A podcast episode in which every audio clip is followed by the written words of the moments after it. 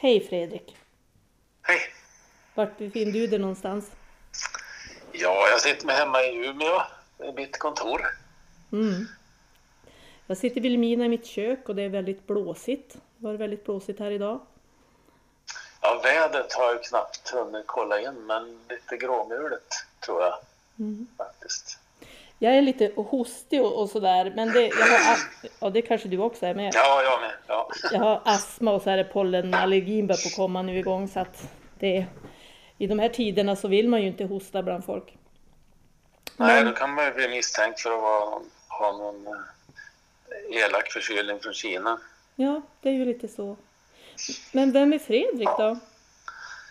Ja, jag är eh, Umebo sedan 1980. Innan det så bodde jag i Värmland. Och jag är läkare, har utbildat mig här i Umeå och blivit kvar. Och numera så har ju tiden gått. Det var 40 år sedan jag började läsa här och nu är jag professor i virologi, läran om virusar. Och sen är jag överläkare i klinisk virologi här på Norrlands universitetssjukhus. Så jag sysslar med utbildning, forskning och diagnostik i virusvärlden. Och sen har jag tidigare varit på Totalförsvarets forskningsinstitut och byggt upp virologin där. Jag var chef för någonting som heter Kunskapscentrum för mikrobiologisk beredskap på Smittskyddsinstitutet. Det som nu är en del av Folkhälsomyndigheten. Och sen har jag jobbat åt amerikanska arméns infektionsforskningsinstitut ett bra tag också. Mm. Jag, jag tänkte att är det någon som ska vara med i den här podden nu när alla går omkring och funderar, är orolig, funderar för sin egen del, för andras skull. Det är tusen frågor som snurrar i huvudet på, på ja, var och en. Då tänkte jag, men då är det nog Fredrik som ska vara med. Det kändes som ett självklart. Men det, det första jag undrar över, alltså vad är det här för en sjukdom? Alltså covid-19. Vad, vad är det för något? Man bland, Eh, ja, corona, covid-19. Vad det Ja, det är ett coronavirus. Och coronavirus är inget obekant för oss egentligen. För det finns fyra stycken coronavirus som eh, kommer igen år efter år och ger vanlig förkylning. Inte alls sådana hemska symptom som en del eh, får av, eh, i covid-19-sjukdomen. Eh, och man kan väl hoppas att någon gång i framtiden så blir det även SARS-CoV-2 som covid-19-virus heter, att det också kommer att lugna ner sig och bli ett vanligt förkylningsvirus. Men där är vi inte riktigt än, det kommer nog att ta ett par år. Alltså menar du då att när vi har haft det här några vänder så till slut har vi liksom en resistens, eller? Nej, ja, dels så kommer det vara väldigt många människor som är immuna så att det blir inte lika många som blir sjuka, men det blir också snällare. Det gäller de allra flesta viruser som poppar upp på det här viset. Du vet, eh, spanska sjukan var ju ett gissel för 102 år sedan, 1918, vid midsommartid och sen ännu värre på hösten 1918 så kom det ett virus som betedde sig lite grann som det som härjar nu. Och det var extremt elakartat med svåra lunginflammationer hos många människor och tog livet av 37 000 svenskar under loppet av två, knappt två år. Mm. Men det där kom sen att komma tillbaka som vanlig säsongsinfluensa ända fram till 1957. Så då var det betydligt snällare och det hoppas jag att det här gör också. Ja. Min morfars syster dog i, i spanska sjukan och det berättar ju han, för han var liten när hon dog, där hon låg på morgonen död i sin säng. Det var så här. Oj, oj, oj. Ja. Ett sånt där Ja, det där var förfärligt. Och det intressanta med den sjukan är ju att Ja, det är många saker som är intressanta med den här sjukan, men en sak är intressant och det är att det har pratats så lite om spanska sjukan. I alla fall fram till 2005, för då kom den här fågelinfluensan och då började det skrivas om spanska sjukan. Men innan det var det nästan knäpptyst. Och det tror jag beror på att det var så himla jobbigt. Mm. För det var så där som du beskriver, det var så många nära och kära som gick bort. Ja. Men jag tänker nu då, ja men det här covid-19. Alltså, vad, de som blir riktigt, riktigt sjuk, vad är det som händer med dem? Ja, men det är en bra fråga. Alltså, de flesta som blir sjuka. De får en mild sjukdom säger man. Eller så får de en elakartad influensa och där är nog kanske 80 procent av, av de som blir sjuka. Sen är det 20 procent som blir riktigt eländigt sjuka och måste få sjukhusvård. Och sen är det av de 20 procenten så är kanske en fjärdedel sådana som hamnar i respirator. Och varför gör de det då? Varför blir de så sjuka och varför hamnar de i respirator? Det tycker inte jag är så mycket pratat om egentligen, så det är jag glad över att jag får berätta här. Mm. För det som händer det är att om man får i sig, antagligen om man får i sig mycket virus, så hamnar en del virus långt ner i lungorna. Och nere i lungorna så finns det de här cellerna som gasutbytet sker i. Du vet där koldioxiden kommer mm. ut och syret ska komma in. De cellerna har en särskild, ett särskilt äggviteämne på sin yta som det här viruset fastnar på. Det kallas för receptorer det där. Och eh, den, då kommer viruset in i de här eh, luftväxlingscellerna och gör om dem till virusfabrik. Och då slutar de att fungera i sin mm. vanliga roll, så att säga. Och värre är ju också att de dör ju så småningom av den där massiva virusproduktionen och istället så kommer det att bli en våldsam inflammatorisk reaktion på de här trasiga viruscellerna. Och då blir det eh, dåligt med syreupptagningsförmågan förstås. Det blir vätska inne i, lungsäck, i lungblåsorna och sen när man, hamnar man länge i respiratorn, kanske ett par veckor eller mer och under den tiden så blir det det vi kallar för fibros också i, i, längst ner i lungorna. Allt det här gör att man får en klart sämre syreupptagningsförmåga.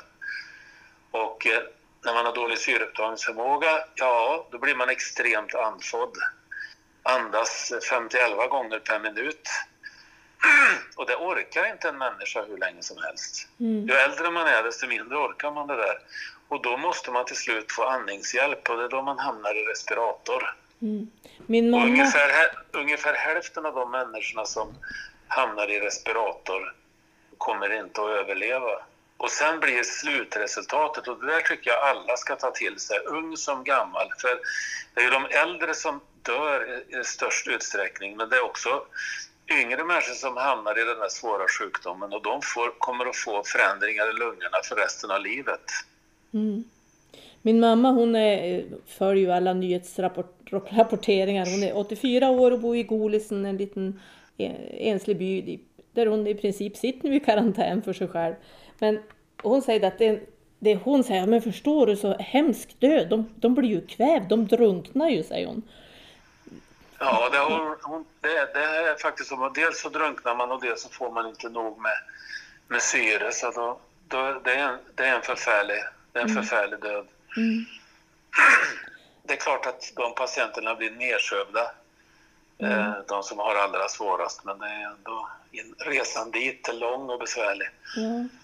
Jag tänkte, för det, det har jag också funderat på nu. Det, men det säger mamma och hon och grannfrun Britta, de umgås. Eh, vi barn handlar åt dem. De har ingen, det är inte någon hemtjänst utan det är liksom, de är ganska isolerade. Eh, självvalt. Eh, vi som sitter här i Vilmina, vi försöker också isolera så gott vi kan och handla så lite vi kan.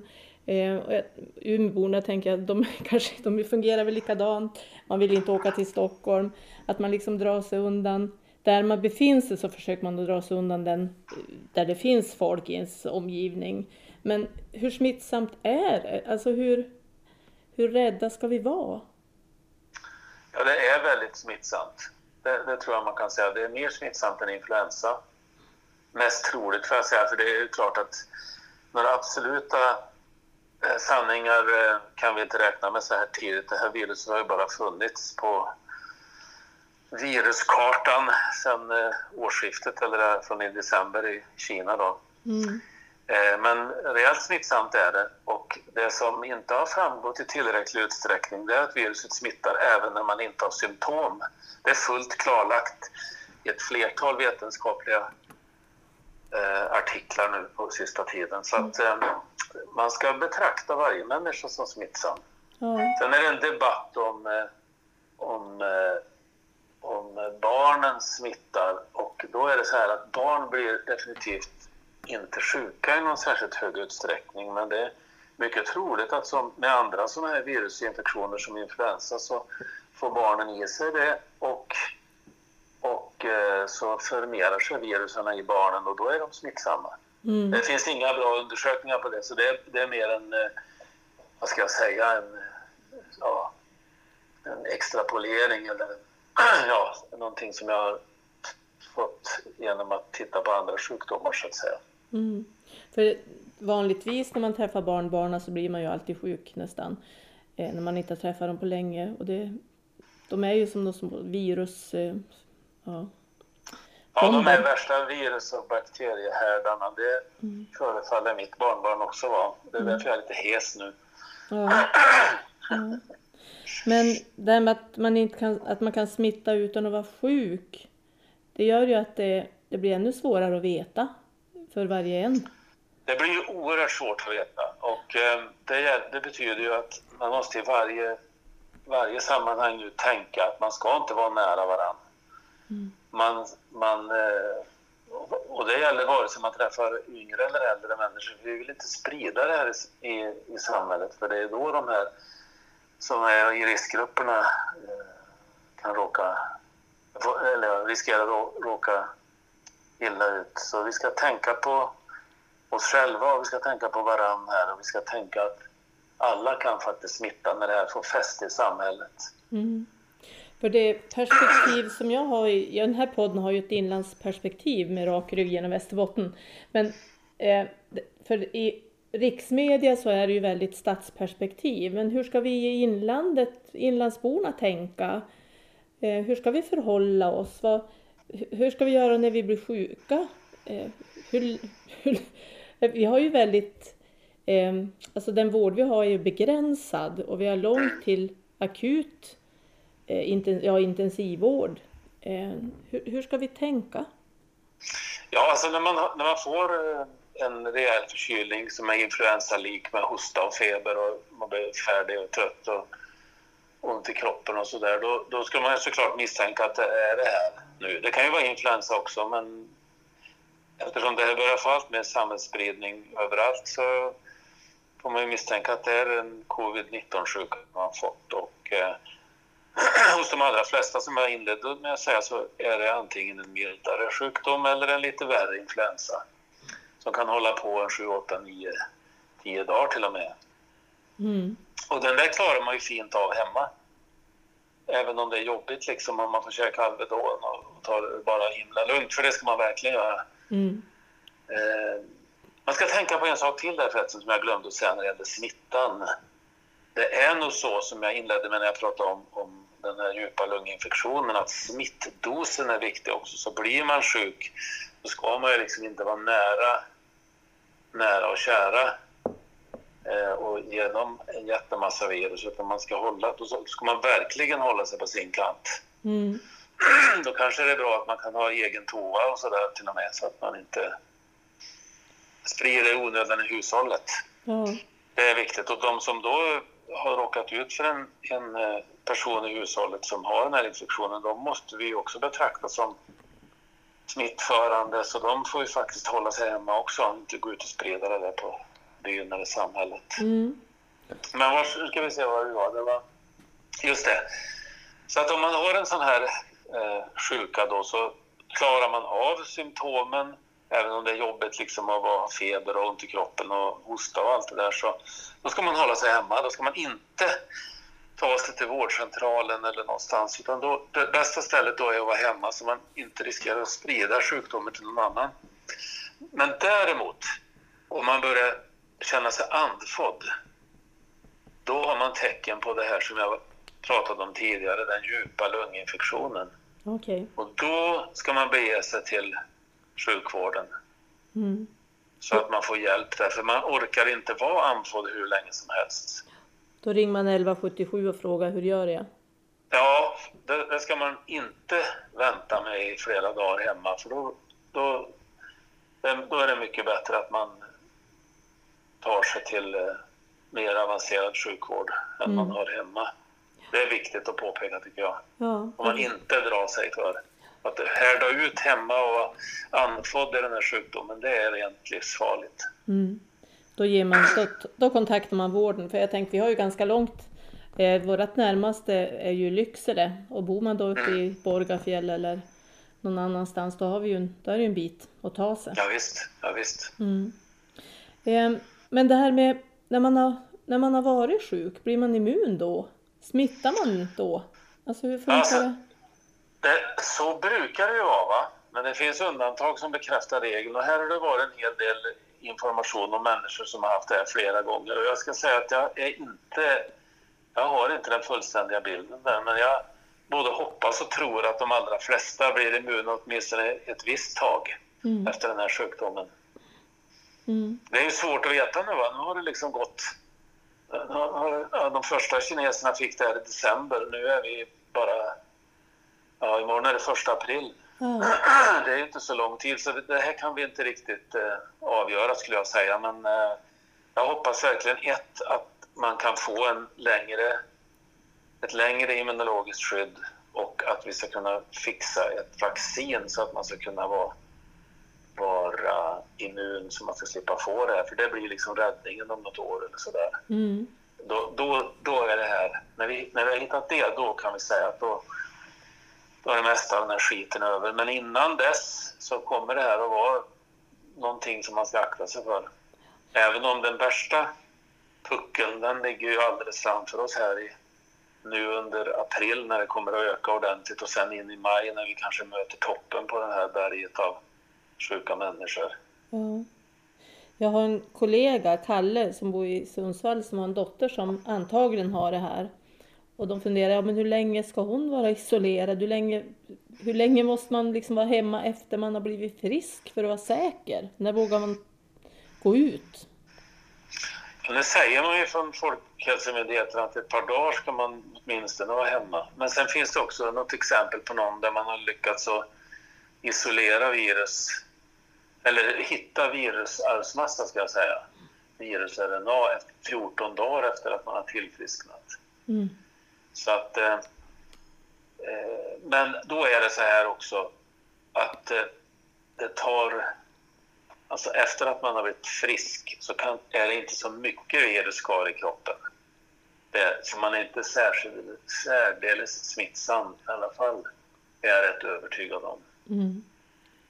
Man kan ändå hålla sig lite på sin kant. Kanske. Ja, det måste man verkligen göra. Mm. Det finns inga garantier att man är helt smittfri förrän ett bra tag efter att man har blivit frisk. Jag skrev igår på, eh, i sociala medier vad, vad folk undrar över, vad man hade för frågor. Och då kom ett antal, jag tänkte vi har betat av några här, men en fråga var när antikroppstestet är klart. Och, Ja, det, det är ju en viktig fråga. Först har, när vi ska undersöka nu om folk har den här sjukdomen, då, då letar vi efter virusarvsmassa, RNA. Det finns det bra, eh, robusta tester för. Men eh, sen när många har haft den här sjukdomen och folk är friska så vill man ju veta om man har haft den. Så att mm, man kan gå tillbaka till jobbet, till sjukvården eller på affären eller på företaget eller vad det är för någonting utan att riskera att bli smittad eller smittas. Och då är det jättebra att visa om man har antikroppar. ja, Alltså att det är kroppens reaktion på att man har haft infektionen. Och sådana test finns faktiskt redan nu. Det är en, har varit ett förfärligt flygande fram och tillbaka mellan Kina och västvärlden med sådana tester. Och det är en väldig röra skulle jag säga just nu. Vad som är bra och vad som är dåligt och hur mycket som kommer till Sverige och så vidare. Men jag är vid gott hopp att vi kommer att få en hel del kinesiska tester influgna hit som vi kan börja testa. Men är det bara de som har varit sjuk som ska testa då? Till att börja med så ska jag säga att det, det, är nog, det är nog mycket något som ska användas för sjukvårdspersonal så vi vet om de har varit sjuka. Sen så kommer det, att- sen så kommer det att vara för eh, företag och tjänstemän och allt möjligt eh, för att veta om man har varit sjuk. Och eh, då är det inte bara de som har varit Mm. haft symptom. För som jag sa tidigare så kan man ha det viruset i sig utan att ha symptom också. Så det, när, vi, när vi får riktigt gott om de här testerna och det blir snabbtester, då, då tror jag att det kommer att vara enormt, enorm massa testande. Ja.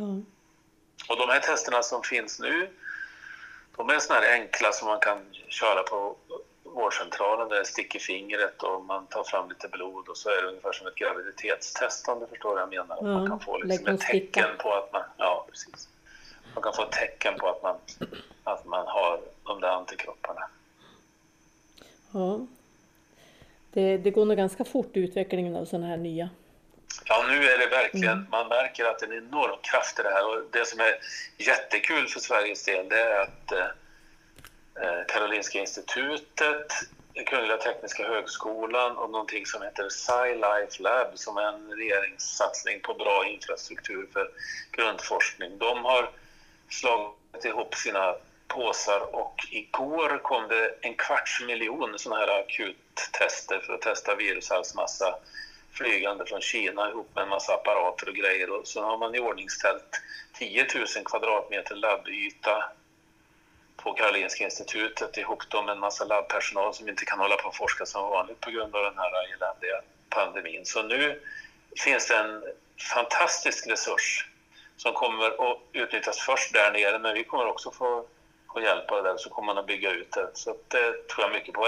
Där kommer det också att finnas en, en kapacitet för sådana här serologiska tester. Så att jag, och jag, här på laboratoriet i Umeå håller vi på att producera ett av det här virusets eh, äggviteämnen för att vi ska kunna använda det i såna här analyser för att testa antikroppar. Så det, det är en oerhörd kraft i engagemanget för att få till bra grejer.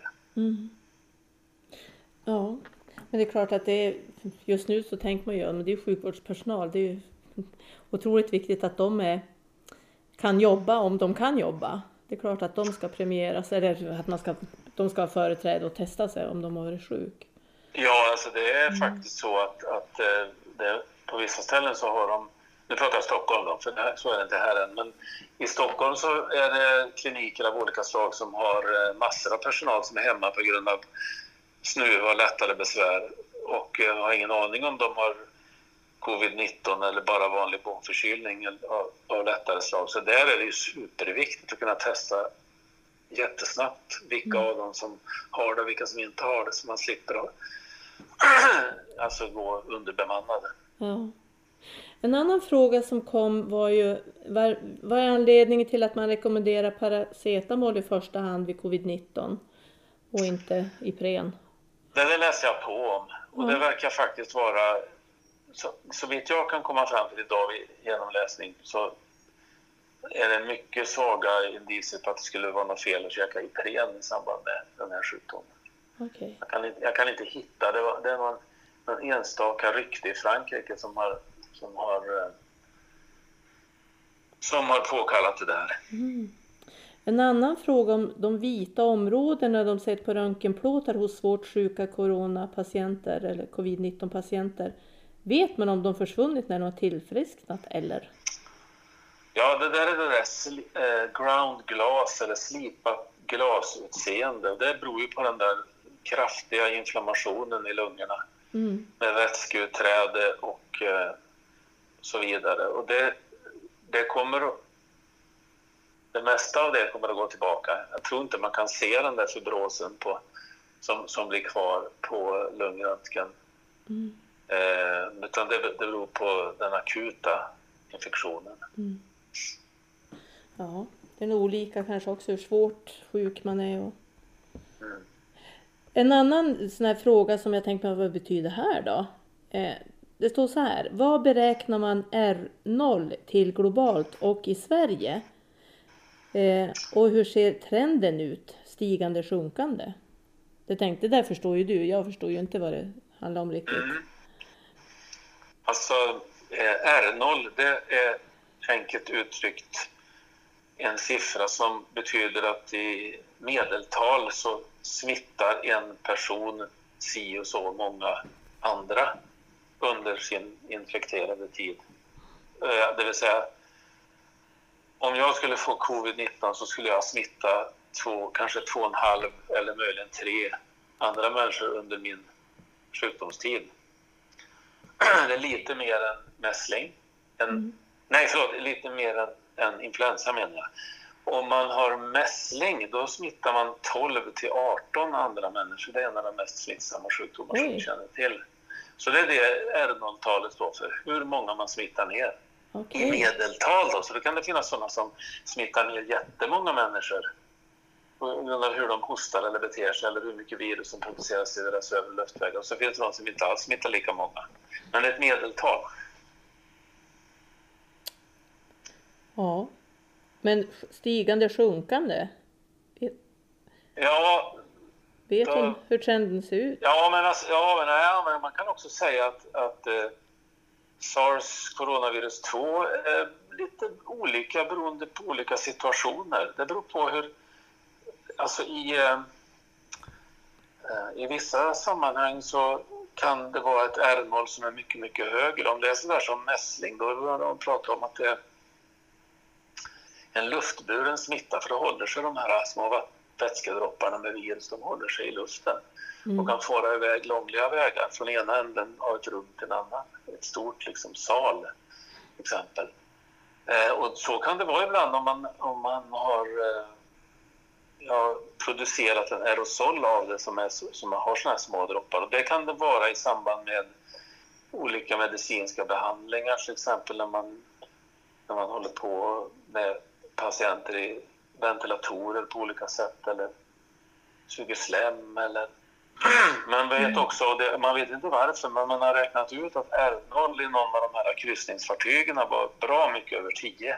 Ja, det. smittades ner så mycket patienter. Och det kan ju vara för att det har kommit ut i ventilationen på något sätt som jag inte kan förklara nu. Då, men Mm. det gick att räkna ut i alla fall att i de sammanhangen var det mycket högre smittsamhet. Mm.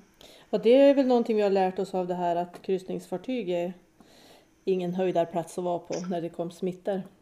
Nej, jag känner mig ingen sugen på att åka på någon kryssning just nu i alla fall. Nej, det har nog aldrig varit. En annan fråga är, är av vilken anledning finns det de som dör trots att de inte tillhör någon riskgrupp? Ja, det tror jag att det handlar om att man har fått i sig väldigt mycket virus. Mm. Det är det ena. Och sen är det också så i alla sådana här sammanhang att en, vissa människor har en större risk att bli ordentligt sjuka för olika mikroorganismer. En del är känsliga för streptokocker, andra kan vara känsliga för coronavirus och sådär. Det har att göra med vårt eh, immunologiska skydd mot mikroorganismer. Och det är olika för varje enskild människa. Mm. Så att, eh, det kan vara att man har osis och är extra utsatt just för den här, det här viruset. Men jag tror mer att de som drabbas hårdast det är sådana som har fått i sig väldigt mycket virus. Mm. Och sen kan det vara andra faktorer, att man är helt utschasad eller något sånt där eh, som man har svårt att orka Mm. utan att vara i någon riskgrupp för det. Ja, man får försöka hålla sig fräsch. En annan fråga var om reumatism. Om man har reumatism och lågt immunförsvar, hur påverkas man då? Ehm, Vad påverkas då om man har reumatism och lågt immunförsvar? Hur funkar det? Ja. Ja, men eh, patienter som får sån här immunnedsättande behandling som kan ha, som har en reumatisk åkomma anser man inte vara i någon särskild riskgrupp. Utan eh, de, de, är- de är in, inte i en särskild riskgrupp för svår covid-19. Däremot så kan de ju kanske ha andra åkommor än, än själva reumatismen som gör att de kommer i en riskgrupp, men inte bara det. Mm. Och det var ju skönt att höra det, Ja. tänker jag. Man är ju orolig för alla, för det, det är ju vanliga sjukdomar sånt här. Vanliga åkommor. Som folk Ja, många av, Mm. ja, många av dem som gör att man är i en riskgrupp, ja visst, det är diabetes och... Hjärt och och, kärl och... eh, ja, precis. Och, all, ja, och KOL är också viktigt. Däremot astma säger man är inte någon, någon eh, riskfaktor. Det beror ju på att eh, astma är ju inte en förändring i, i, i lungorna egentligen, utan det är ju luftvägarna, när luften ska ner till, till lungorna. För det stora problemet i covid-19 det är där nere i lungblåsorna. Det är där som den svåra åkomman kan, kan bli av, så att säga. Mm. Och det var skönt att få höra det för jag, jag tänkte ju själv eftersom jag själv är astmatiker och väldigt många i min familj är det också så blir man ju, ja det är ju sånt man blir orolig för. Mm. Men en sista fråga som jag fick det var så här, om svaren diffar, vem ska man lyssna på? Mamma eller Tegnell? Som alla vet kan ju mammor allt och har aldrig fel, men jag är trots det osäker. ja. Det var... Ja, hör du, eftersom inte jag riktigt tror på allting som Tegnell säger så, så är det klart att ibland ska man lyssna på mamma. ja. Men apropå Tegnell då så, så står det inte på Folkhälsomyndighetens hemsida att den här infektionen smittar utan att man visar symptom. Men jag upprepar det att så är fallet. Det visar ett antal vetenskapliga artiklar som har kommit ut på sistone. Mm. Och det är viktigt för oss att veta det. Ja. Eh, för det gör ju att vi kan ta hand om oss själva bättre, vi kan skydda andra bättre, vi kan ta mer ansvar om vi förstår det. Och vet du, det, det tror jag eh, det tror jag de flesta människor gör. Jag kan ju inte säga mm. vilken, hur stor andel av svenska befolkningen som gör det, men alla gör det inte. Mm. Jag personligen tycker att man ska hålla sig liksom inom familjen och inte, inte träffas i några större grupper överhuvudtaget. Mm. Min man, vi pratade här vid middagsbordet för han har, han har en verkstad där han har låst dörren in till verkstaden och skriver liksom de får gå via butiksingången. Och sen har, innanför butiksdörren har han ställt upp en, ja, en, en skylt och så att de får sprita händerna och så har han liksom ställ, stängt av för att på det sättet liksom minimera risken för att de blir smittade eftersom det är folk som rör sig, ja, som är, rör sig liksom upp mot fjälldalar, mycket ja, folk från andra länder och allt möjligt som är förbi. Så han har försökt... De kom nu? Ja, de kom ju hit nu och ska upp till fjällen och, och behöver skoterdelar och så. Så att han försöker verkligen att göra ja. det han kan. Men han säger att det är så många som inte bryr sig om den här, ja, att sprita händerna eller som ändå kommer säga, nej men jag har inget fel. Och, så att det, ja. Det, de, nej, det, där, det är svårt. Det, det är jättesvårt och det är det där som är den stora olyckan nu tycker jag. Mm. Vi skulle, jag personligen tycker att vi skulle vara mycket duktigare på att minska den här smittspridningen. Och, och varför då? undrar man. Var, varför tycker jag det? Jo, därför att eh, om den här infektionen får löpa fritt då blir toppen på den här epidemikurvan, alltså då det är flest sjuka, flest som behöver respiratorvård, den blir alldeles för hög. Vår sjukvård klarar inte av det på långa vägar, så vi måste vara jätteduktiga på att minska antalet svårt sjuka som insjuknar per tidsenhet. Mm. Och det kan vi bara göra genom att minimera den typen av risker som du och jag just beskrev. Mm. och det är ansvarslöst av de människor som inte fattar att de, inte, att de ska hålla sig hemma, mm. tycker jag. Jag tänker på något annat.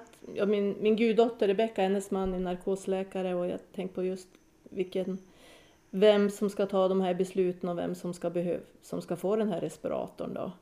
Det, det blir ju också en väldigt svår fråga. Om mm. vi inte lyckas dämpa det här så, så kommer det faktiskt att bli så att man måste prioritera bort människor som inte är så där förfärligt gamla som hamnar i respirator. Mm.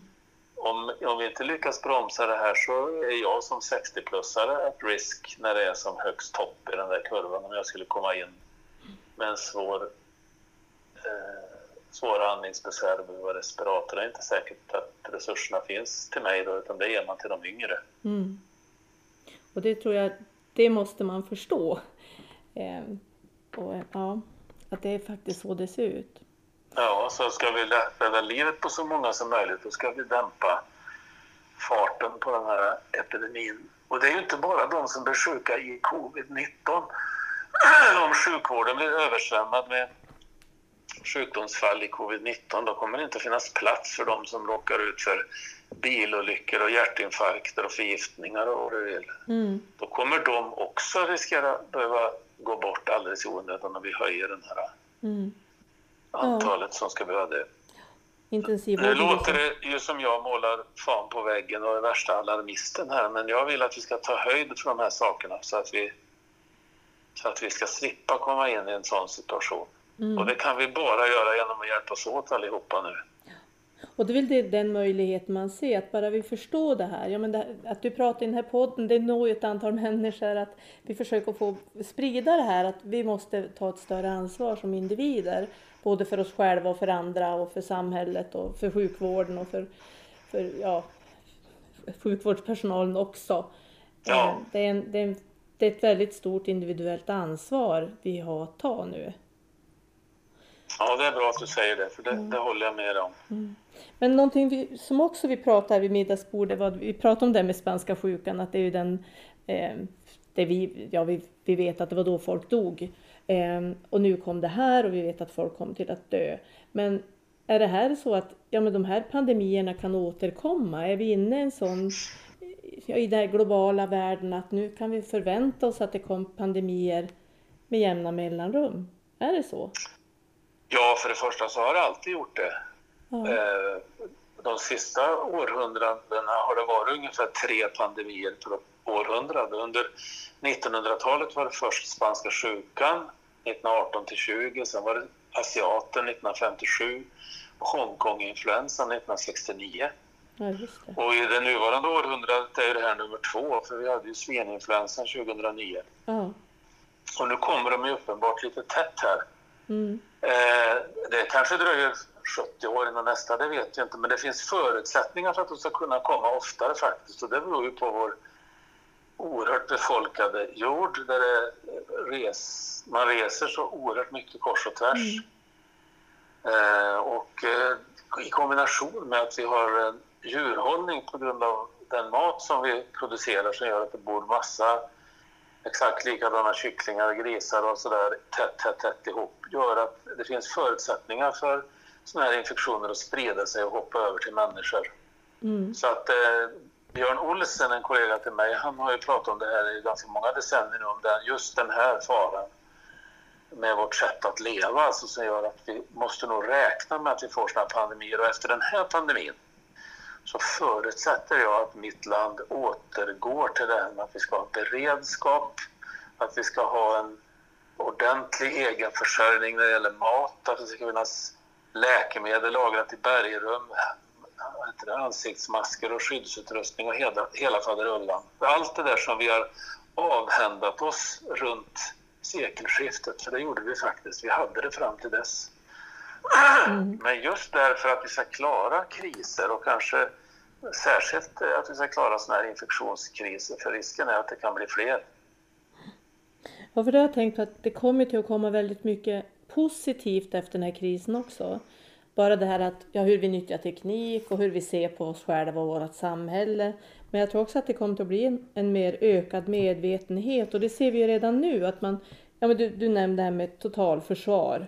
Eh, att vi också måste ha ett individuellt eget ansvar i, i detta. Det handlar liksom om inte bara det är inte krig utan det kan vara kriser och, och, och katastrofer. Men också det här med att man främjar det, det handla lokalt, närodlat, självhushållning, stötta lokala företag, att det lokala samhället blir eh, där vi hjälper varandra och ställer upp för varandra och vi handlar till de äldre och vi, ja, det blir liksom, det civilsamhällets roll blir så himla tydlig. Så jag tror att det, det, det är väl det viktiga av den här krisen, att det finns ett, ett liv efter corona där vi har fått en ökad medvetenhet och en insikt i vad som är viktigt för att ett lokalsamhälle ska fungera. Håller helt med dig. Ja. Håller helt med dig. Och det, det, ja. det försöker jag liksom tänka på när, jag, när man är som deppigast i detta. Jo, nej men det blir, dels får vi en rejäl läxa här liksom och en stimulus att, att se till att det finns beredskap på olika sätt. Mm. Och att vi kan bry, lära oss att bry oss om varandra. Och en annan grej som du var inne på, det var ju det här med att eh, man kan använda alla de här hjälpmedlen vi har nu till möten. Man behöver inte ta flygmaskin till New York utan man kan, för att ha ett möte, utan man kan faktiskt sitta här hemma i källaren och snacka med Mm. folk över hela världen. Det går ju fantastiskt med de här nya, eller nya, de har ju funnits de här hjälpmedlen, vi har bara inte använt dem i särskilt hög utsträckning. Mm. Men nu går det fint. Det blir lite synd om de här flygbolagen och sen när, när vi börjar flyga mindre. Nu, jag, var, jag håller på lite grann med virus som orsakar eh, bland annat Alzheimers sjukdom och då har vi en världskongress i det där som heter ADPD, Alzheimers sjukdom och Parkinsons sjukdom. Och eh, då är en satellit, eller en mindre konferens i den branschen i år. Och då annonserade de helt frankt att ja, men vi ställer inte in. Den kör vi på nätet. Oh, bra! Ja, ja. Så då slapp vi liksom åka till Paris eller vad det nu var för någonstans. Ja. Eh, så kan man sitta hemma och vara med på det där. Ja. Det skulle, ska, ska bli kul att testa faktiskt. Ja, det blir kul att få höra hur det har gått. Men en sista fråga. Eh, jag brukar alltid fråga de som är med om, om du fick bestämma någonting som verkligen skulle bli av. Det blev verkligen så som du bestämde att du hade den makten. Vad skulle du bestämma då? Om den här pandemin? Ja, överlag. Nej, men just nu, skulle jag nog vilja bestämma om den här pandemin. Mm. Då skulle jag vilja bestämma att vi, att vi var mycket duktigare med social distansering. Mm. Att vi, jag skulle vilja förbjuda resor upp till oss och till andra ställen utåt landet från storstadsregionerna nu för att minimera spridningen. För vi ligger himla bra till. En polare till mig har gjort lite beräkningar här och vi, det, det, är inte så himla snabb utveckling i, eh, alltså, i landet förutom Stockholm. I Stockholm går det alldeles förfärligt fort, men här gör det inte det. Så om vi kunde fortsätta att bromsa det så att sjukvården i Västerbotten fick chansen att förbereda sig ännu mer, då skulle jag vara otroligt glad. Alltså. Mm. Och den andra saken som jag vill bestämma det är att vi fixar ett enda stort centralt institut nu på bara några veckor som fixar den här testningen så vi kan testa hur mycket som helst. Och glädjande nog är det som jag har sagt tidigare, det är någonting på gång där och det, det, det mm. hoppas jag jättemycket på. Och så fick jag sen bestämma en tredje sak. Mm. Nej, jag, för, en tredje, jag vill bestämma både en tredje och en fjärde sak. Den okay. tredje saken det är att vi får snabba mediciner mot eh, covid-19 så folk ska slippa hamna i respirator. För det det finns ett antal mediciner som inte ska vara så svåra att plocka fram. Och det fjärde är att jag bestämmer att tre, om hälften av världens forskningsresurser går till antivirala medel så ska den andra halvan gå till det här vaccinet som jag vill ha så fort som möjligt. Mm. Du, det där, det där tycker jag var bra, bra bestämt. Jag kan berätta för dig att här i, i eftermiddag så, jag har en dotter, eller vi har en dotter som bor i Göteborg och hennes barn de är tvillingar, de är tio år. De har alltid firat påsk hos oss i våran stuga naturligtvis. Det blir första gången de inte kommer. Mm. Så jag åkte till Martin Bergman, Vilmina Gårds butik och eh, de skickade ja, pepparlax och sovaslax och rökt älgkött och sånt i, till min dotter här till påsk. Så att de ändå ska få äta den påskmat som de brukar få. Men vad härligt! Ja, oh, wow. Man får försöka att eh, hitta lösningar till att och förändra det, de mönster man, och traditioner man har haft. Ja men visst, vad kloka ni och de är ska jag säga också. Ja och sen får vi väl köra på Skype eller Facetime och ha dem med till påskmiddagen. Ja visst, nej men vi får vänta till nästa år. Här så firar vi viruslaboratorierna i Umeå firar 50 år. Då. Vi hade smält, igång med en stor konferens med nobelpristagare och grejer. Men vi har bestämt att det får ju ske då. Eh, vi, vi får ta 51-årsjubileum istället. Ja, ja, så får det bli. Här får man... så får det bli. Men Fredrik Älg, tack så mycket för din tid. Eh, att, du, att du gav oss alla dessa svar och eh, råd. Eh, vi, vi, vi ses efter krisen. Ja, men det gör vi. Jag ska be att få tacka också för att jag har fått vara med här och, och berätta om de här grejerna. Tack så mycket Maria. Ja, tack ska du ha. Hej då. Hej då.